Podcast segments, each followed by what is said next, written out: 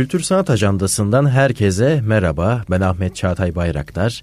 Teknik Masa'da Serdar Filiz ve Ece Çokal'da sesimizi size yansıtacak radyolarınıza duyuracak önümüzdeki dakikalar boyunca. Yedisinde neyse insan yetmişinde de olur sözüne aşinayız. Kişinin alışkanlıklarını ve davranışlarını değiştiremeyeceğine yönelik olan bu söz normal yaşam çizgisinde belki normal kabul edilebilir.'' Ama kimi zaman yaşamın virajlı yollarında keskin dönüşümler yaşanabiliyor. Bu dönüşümlerin ise olumlu yönde olması hepimizin umduğu bir durum.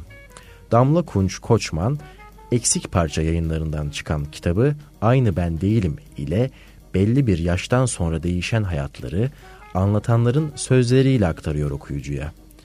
Belli bir yaştan sonra vurgusunu özellikle yapıyorum. Çünkü genel kabul yaşamın kişiyi zamanla katılaştırdığı, değişime ve dönüşüme imkan vermediği yönündedir. Bu yüzden erken yaşlarda belirli bir düzen kurmak tavsiye edilir insana.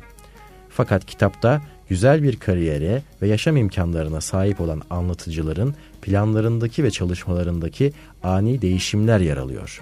Okurken de gittikçe merak ediyor, merak ettikçe öğreniyor ve düşünüyoruz. Ben ne zaman adım atabilirim diye. Ve Damla Kunç Koçman ismine aşina olmayan dinleyicilerimiz için kendisini sizlere takdim etmek isterim. Ailesinin görevi nedeni ile yazarımız Türkiye'nin doğusundan batısına farklı şehirlerinde büyüdü. Okul hayatı boyunca çalışkan, hayallerinden vazgeçmeyen ve meraklı bir öğrenci oldu. Hacettepe Kimya Mühendisliği bölümünü bitirdikten sonra ilaç firmalarıyla çalıştı. Kurduğu hayallerden biri de kendi işini kurmaktı. Bir süre ilaç firmalarına danışmanlık yaptı. Anne olduktan sonra çocuk dünyasına ilgi duymaya başladı ve kariyer değişikliği yaparak profesyonel koç oldu. Koçman eğitim ve danışmanlık firmasının kurucusu olan Damla Kunç Koçman yeni neslinin gelecek dünyasına bilinçli olarak hazırlanması gerektiği görüşünden yola çıkarak çalışmalarını sürdürüyor. 21. yüzyıl etkinliklerini geliştirmek üzere yeni nesil ebeveyn ve çocuk atölyeleri düzenlemektedir. Bilim kurgu türünde de çocuk kitapları raflarda yer almakta. Çok teşekkür ediyorum bu güzel kitap için ve konuk olduğunuz için. Ben teşekkür ederim. Cidden e, bir girizgah yapmaya çalıştım fakat tabii kitapta bundan daha da fazlası var ve e, dışarıdan baktığımız zaman rahat yaşamların aslında ne ölçüde ne kadar rahat olduğunu, içsel huzurun ne kadar önemli olduğunu gösteren anlatılar e, mevcut. Öncelikle çocuk kitaplarında yaşantı türüne geçiş yaptınız bu kitapla birlikte ve e, bu kitabı yazmaya karar verme süreciniz nasıl gerçekleşti? Çünkü değişim ve dönüşümü temel alan bir kitapla bizlerlesiniz. Evet, e, benim için de ilginç bir süreçti. E, hayatın beklenmeyen çalkantılı dönemleri arasından geçtiğimiz e, şu günlerde e, sürekli felaketler, savaşlar, depremler, pandemi derken e, tam da pandemi dönemine e, denk gelen e, bir e, dönemdi aslında.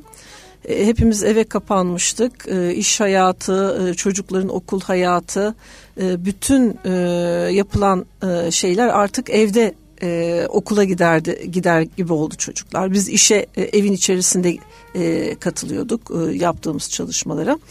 Öyle bir süreç içerisindeyken e, tabii ebeveynlik tozları da havalanınca e, ben dedim ki e, acaba bir ebeveyn kitabı mı yazsam? Ve bunu e, ben genellikle tatmin olmadığım, e, yıkımlara uğradığım şeylerin üzerinde çalışmayı seven birisiyim. E, ebeveynlik döneminde sorgulamaya başlayınca acaba bunun içinde derinleşmek bana da iyi gelir mi e, düşüncesiyle araştırmalar yapmaya başladım. Birçok e, kitaplar okudum o dönem içerisinde. E, fakat e, bunları incelerken baktım ki yer yer kendi çocukluğuma gidiyorum, sorguluyorum. Yer yer kendi çocuklarımla ilişkime bakıyorum. E, ve bu sorgulama süreci e, benim konuya biraz mesafe almamı e, zorladı açıkçası. Ve mesafe alamadığımız şeyleri yazarken de e, yazmak çok kolay olmuyor. O yüzden e, dedim ki e, Damla sen bunu rafa kaldır şimdilik. E, fakat o dönem içerisinde de tabii e, sürekli değişim kelimesinin etrafında döndüğümü fark ettim. E, ve hatta ebeveyn kitabını da yine böyle hikayeler üzerinden yazmak istiyordum. E, bir tanıdığımla bu kitap e, içeriği hakkında görüşürken onun hikayesi üzerinden e, bir baktım ki o da bir değişim hikayesi anlatıyor özünde. E, sonrası tabii e, bunu nasıl yapabilirim diye editörümle konuştum. Tek hikaye yeterli olur mu diye e, fikir e, aldığım kişiler oldu tek hikayenin karşılaştırma yapmak için e, ve bazı e, şeyleri çözümlemek için yeterli olmayacağını söylediler. Öyle olunca ben de e, gerçek hikayelerin peşine düştüm.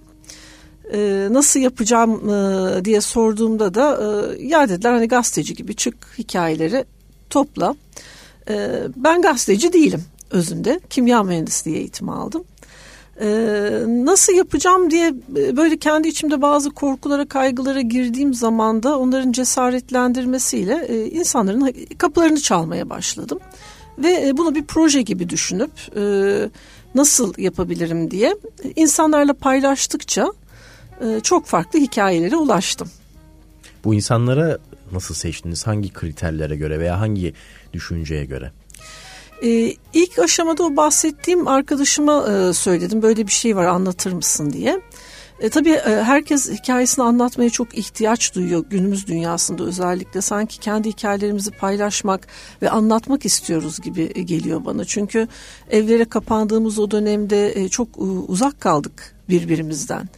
Ve böylelikle o e, ikili paylaşımlar, hikayelerini anlatma süreci o insanlarda da değişik e, bir e, açılımlara sebep oldu. Yani kendi hikayelerini tekrar masanın üzerine yatırmış gibi oldular aslında. Ve e, bazılarına televizyonda mesela pandemi dönemiydi, Covid geçiriyordum. Pek televizyon seyretmem, televizyonu açtım. Baktım TRT Kütüphane'de Kamber Bozan konuşuyor. Bakkal amca, çocukların bakkal amcası. Hemen araştırdım Instagram'dan yazdım e, uğramak istiyorum diye ama ben çocuk kitaplarını ona götüreyim diye e, aslında başta düşünmüştüm. Sonra kendisini ziyaret edince çok böyle kalbi geniş bir insanla küçücük bakkal dükkanında denk gelince daha sonra bu proje olduğu zaman gittim ya dedim Kamber abi hikayeni bana da anlatır mısın? Ya dedi herkese anlattım sana niye anlatmayayım? E, öyle e, konuş e, denk geldik. Sonra e, bazı kişilerle e, bu gazete haberlerinde denk geldim ve ulaşmak çok kolay olmadı. İşte Konya tarafında mesela Esma Serin var. E, orada bir e, e, köyünde yaşıyor. E, 50 küsur yaşından sonra mantar yetiştirmeye başlayan bir karakter. Onun için akrabalarımı aradım Konya'daki. E, oranın muhtarına ulaşarak muhtara yalvar yakar ne olur bana telefonunu ver deyip böyle bir e, bayağı bir peşlerinden koştuğum hikayeler oldu. E, kimisi arkadaşlarımın e, çevresinde olan e, kişilerdi. Bir kişi arkadaşımın e, halası mesela Nazire teyze Gökçeada'da yaşıyor. E, o şekilde kişilere ulaştım bir şekilde. 18 hikaye vardı elimde. E, tam son aşamada kimi vazgeçti, e, kimi ne bende uyanan bazı hissiyatlardan dolayı e, kitabın içerisine dahil etmek istemedim. Çünkü kitabın e, dokusundaki temel özellik kişilerin e, kendilerini çok samimiyetle açmaları her ne kadar kimliklerini gizleyen e, üç kişi olsa da. Evet mahlaslarıyla onlara da değiniyorsunuz ama tabii yaşananlar gerçek. Yaşananlar gerçek. E, çok samimiyetle hikayelerini paylaştılar. Kiminde birlikte ağladık, kiminde birlikte güldük. E, o yüzden e, oradaki o e, okura da o samimiyetin geçmesi benim için önemli bir kriterdi açıkçası.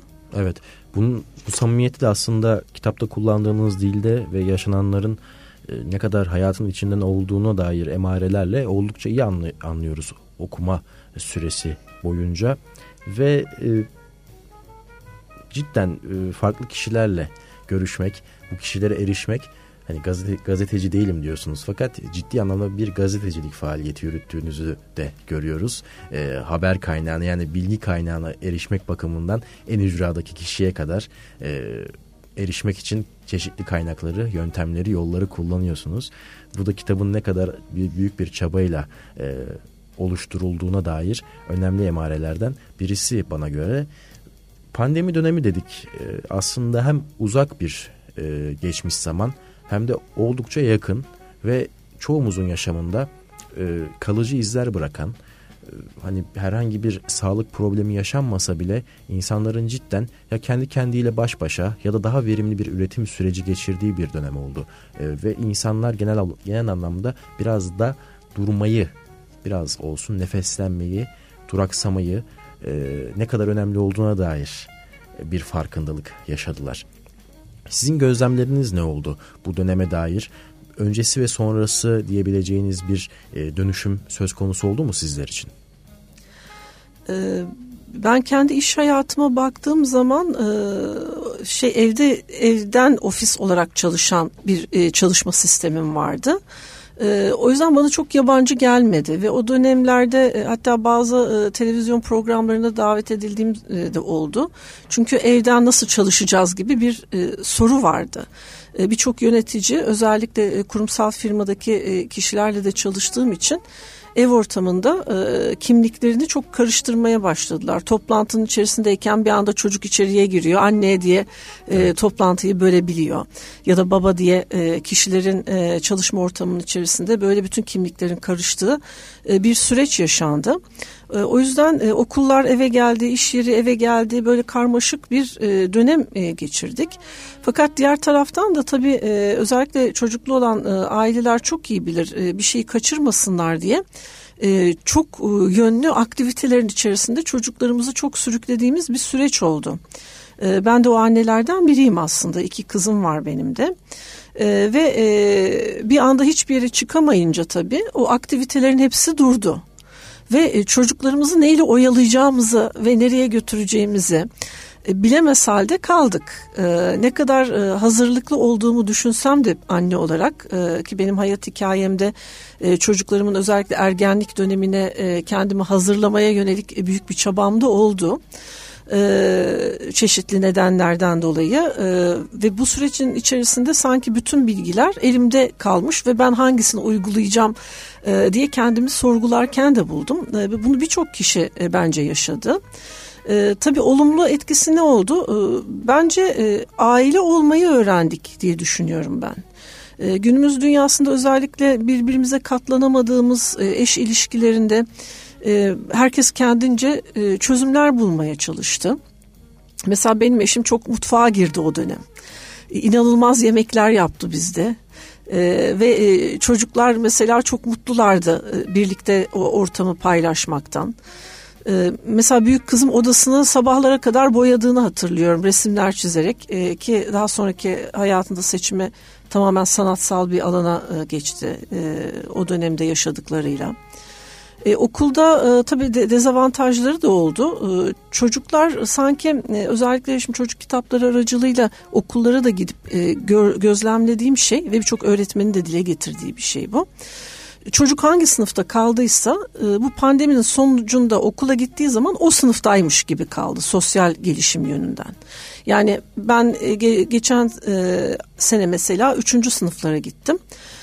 Üçüncü sınıflar sanki birinci sınıf çocuğu gibiydi e, ve sınıfın içerisindeki etkileşimleri, iletişimleri, işte benimle olan yaklaşımları e, çok böyle e, gerçekten e, enteresan gelmişti bana.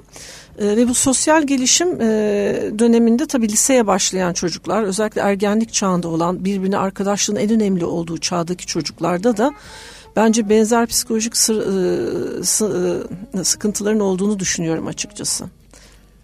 Bu da her ne kadar teknolojinin tüm imkanları gelişmiş olsa da insanların birbiriyle olan temasının sosyal sosyalleşmenin e, belli bir sosyal gruba mensup olmanın aslında sınıf olabilir, okul olabilir, iş olabilir.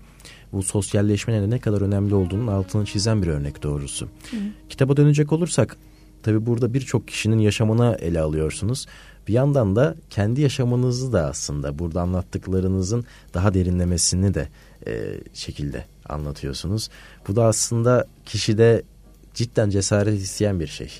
Hani başkasını başkasını anlatmak elbette biraz daha mümkün olabilir. Fakat kişinin kendi yaşamını, kendi e, çektiği sıkıntıları direkt olarak anlatması da aslında e, hem korkutucu hem de e, biraz da rahatlatan bir durum. Siz ne dersiniz? Ee, az önce de ifade ettiğim gibi aslında hikayenin içerisindeki karakterler de kendi hikayelerini masaya yatırdıkları zaman e, ve e, başkası tarafından yazılmış bir hikayeyi dışarıdan okudukları zaman çünkü bu iki kitap yazılırken ben röportajlar yaptım. Önce ses kayıtları aldım, deşifre ettim. Sonra onların üzerinde e, günlerce e, çalışmalar yaptım ve kişilere tekrar gönderdim. Bana anlattıkları hikayeleri. E, ve onların e, o dönemde okudukları zaman dışarıdan e, hikayelerini çok e, enteresan e, geri bildirimler e, aldım. Yani kimisi kendi ailesi ve çocuğuyla ilgili olan e, olayları tekrar dışarıdan bakıp tekrar Aa, biz burada şöyle yapmışız oradaki duygu dönüşmemiş ama şu anda işte iki sene geçti buradaki duyguyu biz dönüştürdük orayı tekrar revize edelim diye üzerinde baya e, onların da çalıştığı bir süreç oldu. E, kendi hikayeme geldiği zaman e, bana e, en çok dokunan e, hikaye, yaşamımdaki en çok bana dokunan bölümlerin yer aldığı kesitleri aslında orada aktarmaya çalıştım. Ve bunu yazarken kendi ailemin mahremine de girmemek, kendi çocuklarım, eşimle olan ilişkimi. Çok ince bir çizgi çünkü değil mi? Evet çok ince bir çizgi. Orada e, bir şeyleri tabii ki anlatacağım, anladık, aktaracağım derken e, o mahremiyete girdiğiniz zaman e, sonuçta topluma bir şeyi hediye ediyorsunuz. Ve bu hikaye artık sanki bana ait değil, bende iyileşmiş fakat başkalarına ulaştığında onlara da dokunacak hikayeler hissiyatı uyandırdı bende açıkçası. O yüzden orada e, hani dış göz olarak e, gerek editörüm gerek e, edebiyat camiasından kapısını çaldığım insanlara bu konuda danışarak da o kısımları biraz daha hassasiyet göstererek çalışmaya özen gösterdim açıkçası yazarken. Evet bu hassasiyet oldukça gerekebiliyor. Hem yazarın hem de anlatıcının kendi yaşamının çizgilerini muhafaza etmesi oldukça normal, aranan, beklenen bir durum. Sağlıklı bir düşünce dünyasına sahip olabilmek için ve e, birçok imza günü düzenlendi kitap kapsamında hala düzenlenmeye de devam ediyor. Kitaba dair geri dönüşler neler oldu ve aklınızda kalan çarpıcı geri dönüşler neler oldu? Ee, sosyal medya aracılığıyla bana ulaşan kişiler oldu. Hiç tanımadığım e, kişilerin e, olumlu geri dönüşleri hatta e, imza gününde buluşmak, tanışmak, kendi hikayelerini de bana anlatmak istediklerini söyleyen e, kişilere denk geldim. Hatta bu benim kafamda şunu oluşturuyor. Gerçekten bunu anlatma ihtiyacımız varsa acaba ben de bunu bir e, Spotify ya da bir e, kanal aracılığıyla e, ilk belki kitaptaki hikaye sahiplerine öncelik vererek e, bunu devam ettiren bir proje haline dönüştürüp acaba birbirimizin hikayeleriyle e, iyileşebilir miyiz? Birbirimize e, bir yol açabilir miyiz? E, o birlikteliği e, bu tip şeylerle oluşturabilir miyiz gibi düşünceler de kafamda var, e, yok değil. E, çünkü değişim e, her ne kadar e, sancılı bir süreç de olsa o değiştirdiğimiz e, şey bir taraftan da duygularımız oluyor. Yani anlattığımız şey bir noktadan sonra yani anlatabildiğimiz hikaye aslında bizde bir noktada iyileştirebildiğimiz hikaye oluyor. Zaten e, anlatamadığımız hikayede de çok fazla e, iyileşemiyoruz diye düşünüyorum. Bu içimizde kalıyor, içimizde tutmak istiyoruz. Belki bir travması oluyor, belki bizde bir etkisi oluyor. Evet. Tabii buradaki şey sınır çok önemli. E, meslek icabıyla da ona çok önemsiyorum. E, psikolojik sınırlar çok önemli. İyileştirme derken burada bir tedavi ya da bir e, psikolojik terapi gibi bir şey e, değil amacım. E, sadece hikayelerimizi e, mahremiyete de çok dokunmadan paylaşırsak nasıl bir şey olur? E, düşüncesi. E, çünkü günümüz dünyasında e, artık bence psikolojik sınırlar çok daralmaya başladı. E, özellikle üst üste yaşadığımız e, bu e, felaketler, e, senaryo, felaket senaryoları diyeceğim buna. Çünkü gerçekten bir senaryo gibi hayatımızın içinde aniden beliri veriyor ve her şeyi etkiliyor. Evet. Ee, ve bu etki e, tabii ki hepimizin psikolojik olarak etkilenmesine de sebep oluyor e, insan olarak. E, o yüzden de hani bu süreç nereye gidecek açıkçası e, çok bir belirsizliğin içerisinden geçtiğimiz günlerdeyiz. Kitap okuduğumuzda da e, bahsedilen kişilerin e, ülkeleri, e, karakterleri, beklentileri, yaşantıları her ne kadar farklı olsa da içlerindeki değişim isteğinin aynı olduğunu gözlemledim. Ve kimi yaşam, yaşamlarındaki kimi işaretlerin de aslında onları değişime doğru sevk ettiğine dair e, unsurlar gördüm. Örneğin e, toprakla olan an, e, toprakla e, toprak üzerine çalışan e, iki anlatıcı var ve e, onlar da normal bir şehir yaşantısı yaşarken e, gayet dışarıdan bakıldığı zaman e, normal işleyen, başarılı işleyen bir e, kariyer yaşantısına sahipken birdenbire toprakla ilgili işlerde çalışmak istiyorlar. Tarımla uğraşmak istiyorlar. Toprağa değince elleri kendilerini daha rahat hissettiklerini hissediyorlar, keşfediyorlar. E, sizin siz ne dersiniz bu yaşamdaki e, ufak işaretlerin bize yol göstermesi noktasında ve bunu, bunları bu işaretleri nasıl görebiliriz? Ee, burada e, ilginç olan şey e, hep gözlemlediğim de o kişi aslında kendi yolculuğunda e, ne yapmak istediğini belki çocukluk yıllarımızda çok iyi biliyoruz. Fakat daha sonra bize öğretilenler, çevre koşulları, yapmamız gerekenler, e, o kontrol listeleri içerisinde sanki o çocukluğumuzda bildiğimiz şeyi unutuyoruz ve ondan sonra tekrar ona geri dönmek ve geri dönüşe dair de bir çağrı alıyoruz gibi hissediyorum ben. Ee, burada da e, aslında bu kişiler de hayatlarını belirli bir noktada işte eli belinde tarımda bir e, motif görüyor ve diyor ki günün birinde evet ben e, içinde kadın olan bir iş yapacağım ve bu e, toprakla e, uğraşmaya dair de bir istek duyuyor ve o şekilde planlıyor hayatını Aslı.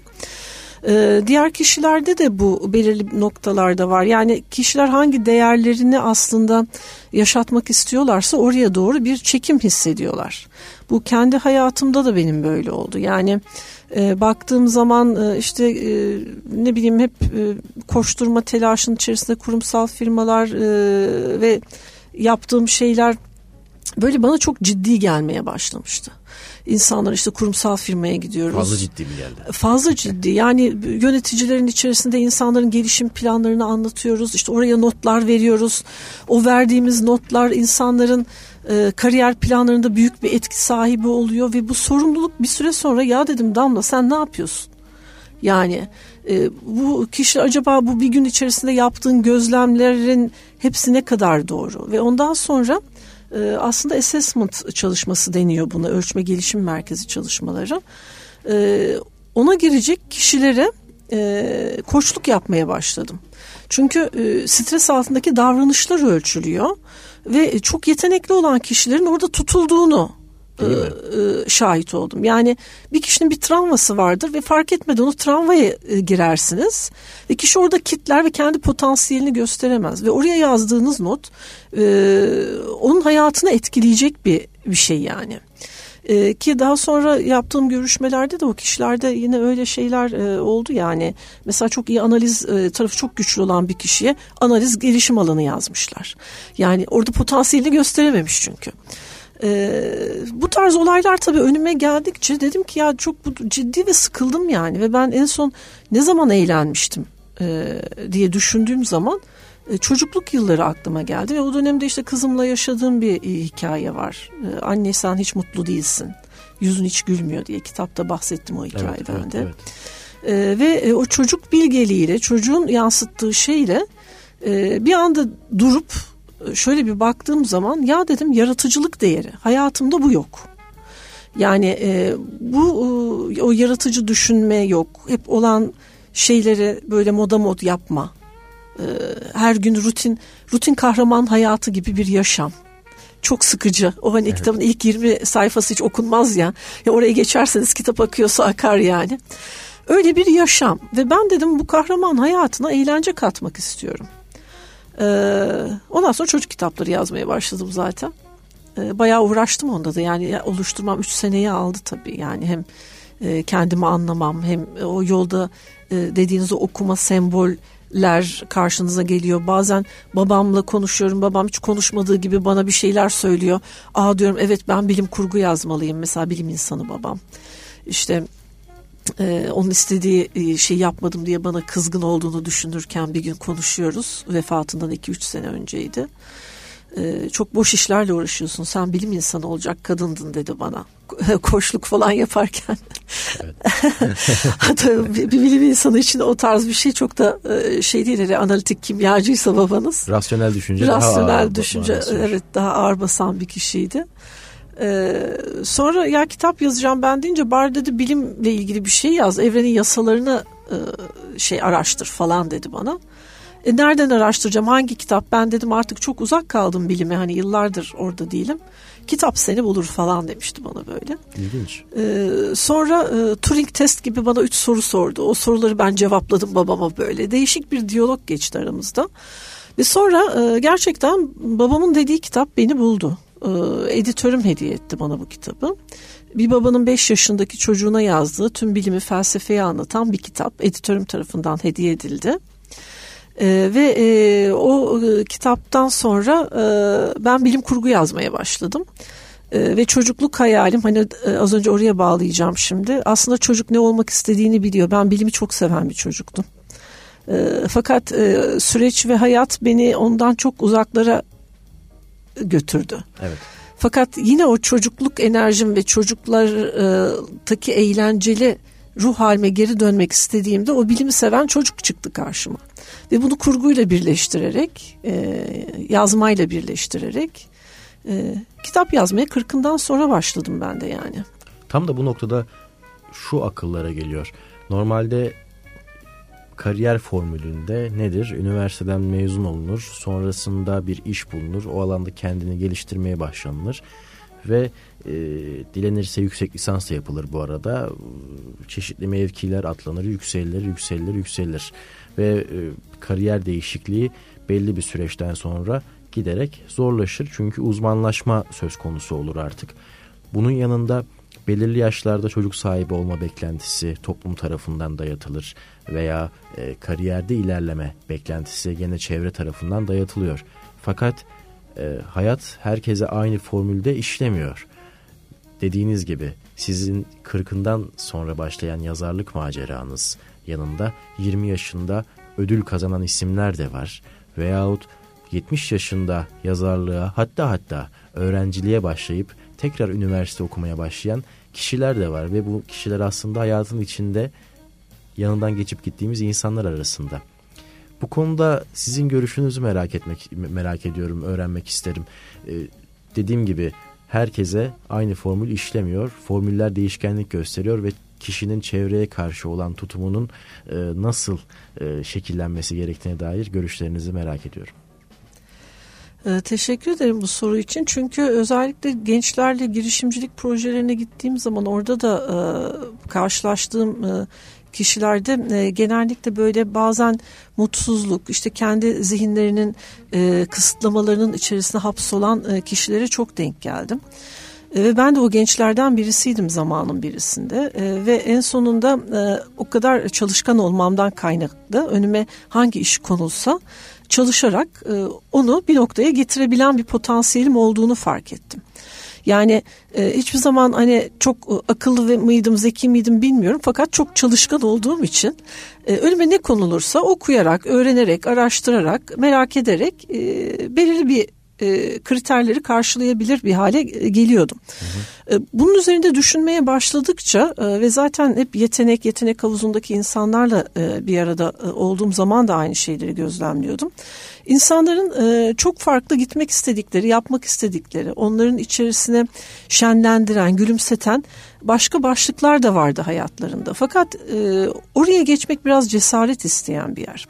Çünkü e, hayatta belki hep maddi değerler üzerine çok e, oluşturuyoruz hayatımızı. Çünkü yaşamamız için e, işte para kazanmamız gerekiyor. Ben de üniversiteden ayrıldıktan sonra bilim insanı olma hayalimden bu sebeple vazgeçmiştim. Çünkü iyi bir iş teklifi aldım. İyi para veriyorlardı.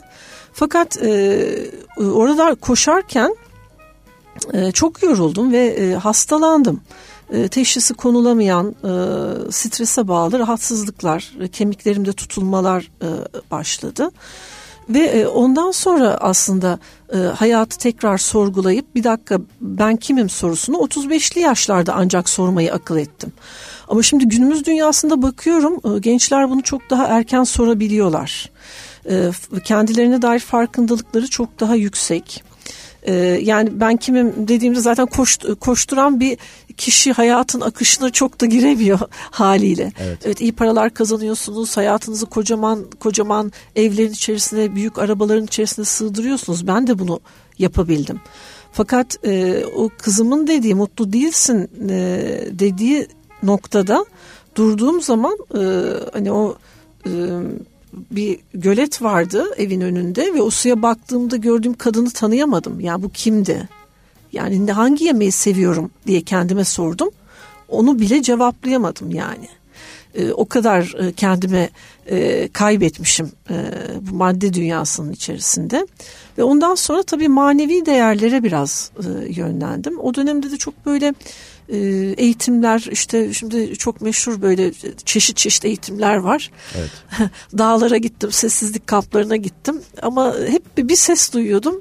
Ee, ne varsa kendinde var. Hani çok da milletin dediğini dinleme. Çünkü bir noktadan sonra öyle bir hale geçiyorsunuz ki e, her gittiğiniz yerde sen şusun, sen busun. Hani sen şöyle olmuşsun, böyle olmuşsun diye. Eğer çok o dış sesleri duymaya başlarsanız kendi içinizin sesi bu dış sesler e, yüzünden bastırılmaya başlıyor. Ve sonra o kendi iç sesimi buluncaya kadar bayağı bir e, kendimle kalmam gerekti yani durmam gerekti o sessizlik kamplarında biraz o kendi iç sesin e, kime ait olduğunu araştırmam. Kimi anneme aitti, kimi patronuma aitti, kimi işte eşime aitti, çocuğuma ait sesler vardı. Ama gerçekten Damla'ya ait ses hangisiydi? E, ve o sesi duymaya başladıktan sonra aslında hayatta daha farklı bir yola ve yolculuğa başladım kendim için diyebilirim. İşte bu iç ses e, duyma konusunda özellikle bu çaba genel anlamda e, tırnak içerisinde söylüyorum bencillik olarak da algılanabiliyor bakıldığında. Çünkü aynı zamanda iç sesi dinleme çabası e, bir yandan da e, doğal olarak kendini öncelemek, ne istediğini bilmeyi keşfetmeye odaklanmanın yanında belli bir çevre değişikliğini hatta ve hatta e, bir arkadaş elemesi haline de gelebiliyor doğal olarak. Yollar ayrılabiliyor. Bunu nasıl yorumlarsınız? Yani e, insanın biraz olsun. Çünkü şöyle bir şey de vardır. E, bir bilimsel araştırmaya göre insanın çevresindeki kişi sayısı e, en fazla 150 kişiyi tanıyabilir. 150 kişiyle etkileşim halinde olabilir. Sonrası mümkün değildir veya sağlıklı değildir şeklinde bir bilimsel araştırma olduğunu hatırlıyorum. E, siz ne dersiniz bu konuda? Yani her dönemin bir e, şeyi oluyor, çevresi oluyor tabii. E, orada ben şu kısmı hani bencillik dediğiniz için belki e, altını çizmek isterim. Yani evet ben bu karar veriyorum ama bu verdiğim kararın çevreye etkisine ve ben burada iyi tarafta mıyım yoksa kendi e, dark e, karanlık tarafımdan mı karar veriyorum? Çünkü hepimizin e, kendi içerisindeki o gölge tarafları, sevmediğimiz tarafları var ve bunu eğer kendi faydam için yapıyorsam orada e, oturup e, biraz e, düşünmemiz gerekiyor. Ama e, bunu e, eğer e, evet ben bunu yapıyorum, ben şu anda bunu böyle hissediyorum ve bu kararı veriyorum. Bu karar verirken de eğer e, topladığım veriler beni destekliyorsa çevreden e, evet bu benim için şu an için doğru karar deyip biraz bekliyorum açıkçası. E, ve burada dediğim gibi kriter başkasına zarar vermemek, başkasına e, hayatını e, olumsuz etkileyecek bir hareket ve davranışta bulunmamak önemli olan kısım. Evet.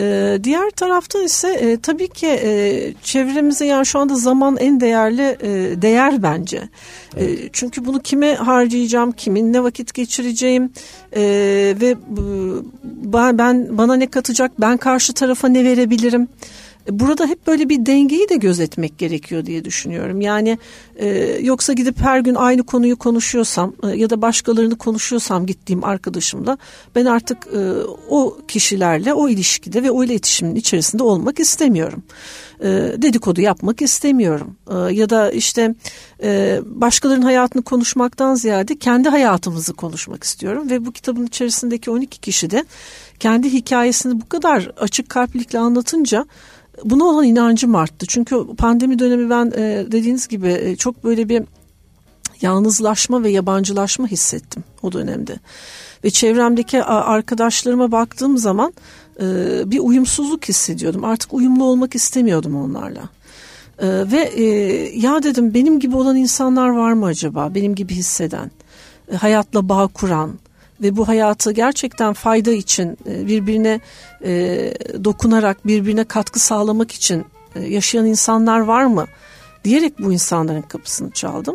Zaten o, on, o 18 e, e, hikayeden 12 e, yani kitabın içerisine giremeyen kişilerde de bu özellikleri gözeterek biraz aslında bu kararı verdim.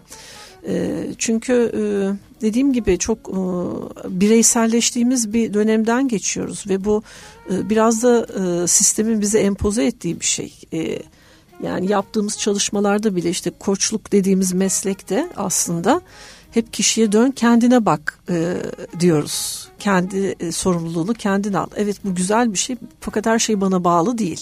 Evet. Yani bir kitap okumuştum bu dönemde. O zaman bu konuları biraz sorgulamaya başladım açıkçası. Kişisel gelişim dünyasında kendin kalabilmek diye.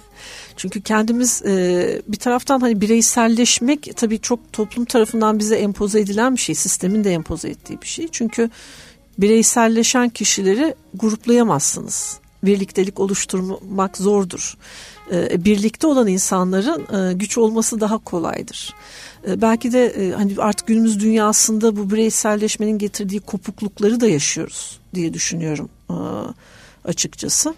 O yüzden hani buralarda biraz daha büyük resimden helikopter bakışı bakmak daha iyi olur düşüncesindeyim. Yoksa kastettiğim bencilleşmek değil tabii. E, kişinin kendini bilmesi ve e, o kendini bilmeyi de e, çevresinin de farkında olarak e, yap, yapabilmesi. Baktığımızda zaten kendini bilen kişilerin hani kendi bilmek tabiri vardır ya Türkçe'de e, cidden kendini bilerek hareket ettiğini, kendini keşfetmiş e, ve e, artık bazı şeyleri aşmış insanların çevresine karşı olan yaklaşımlarının da gayet olumlu yönden olduğu, daha anlayışlı, daha hoşgörülü çerçeveden olduğunu görüyoruz. Cidden bu anlamda kendini bilmenin e, hiçbir şekilde bencillik olmadığını da söylemek mümkün.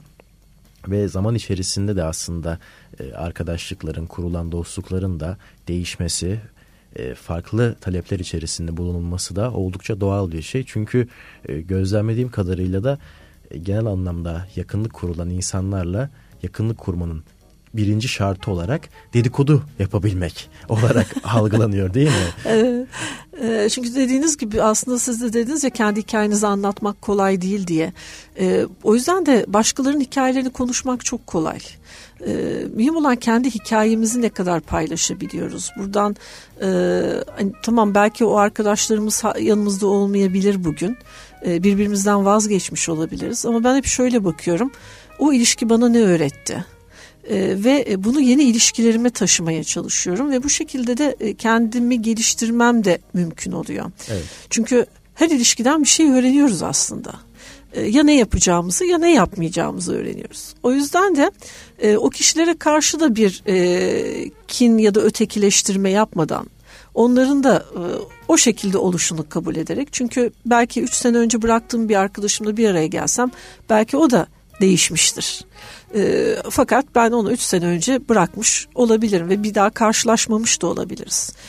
E, belki de gittiğimiz yerler farklılaşıyor, seçimlerimiz farklılaşıyor.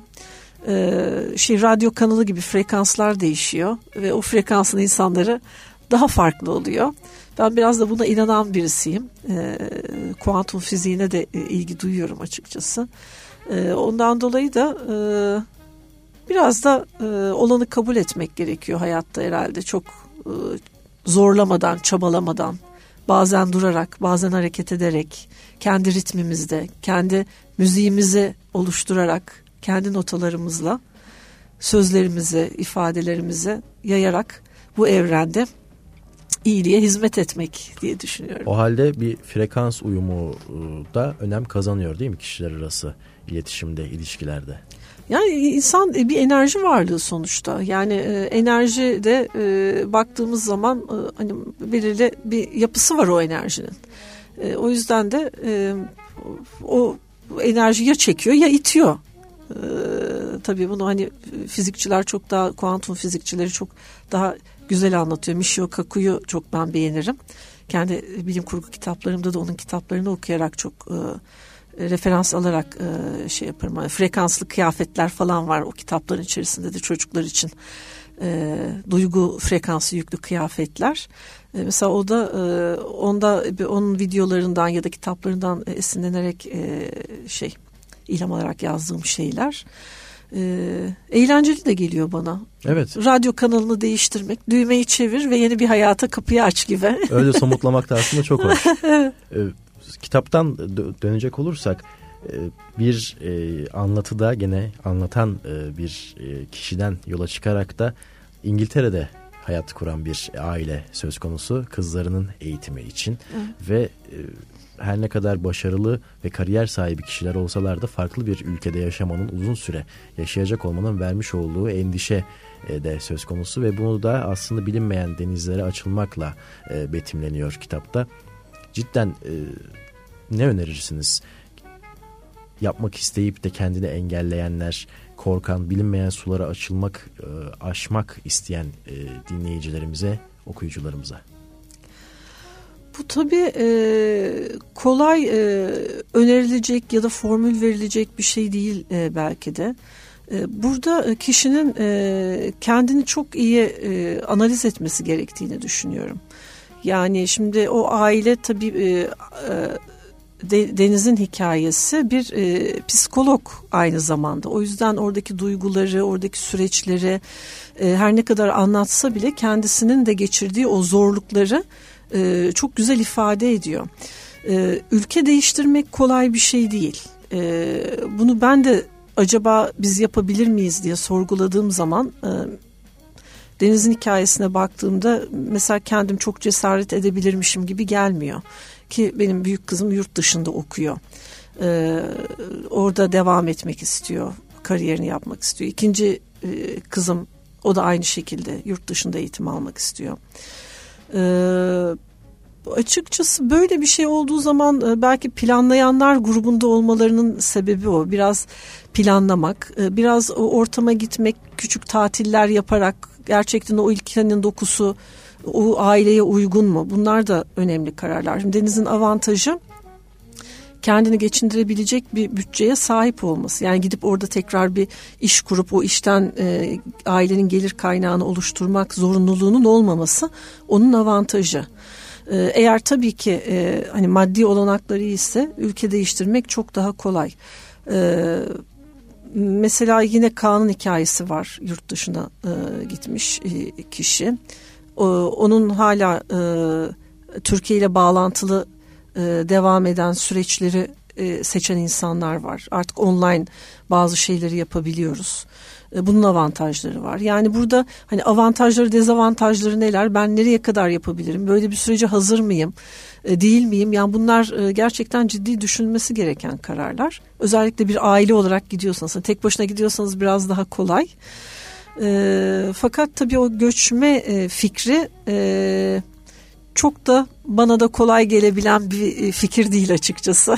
Özellikle son dönemde ülkemizde e, yoğun olarak gündemde olan e, beyin göçü her meslek dalında yaşanan özellikle gençlerin yurt dışında bir kariyer yaşamı çizmesi isteğine de aslında yanıt olabilecek bir anlatı.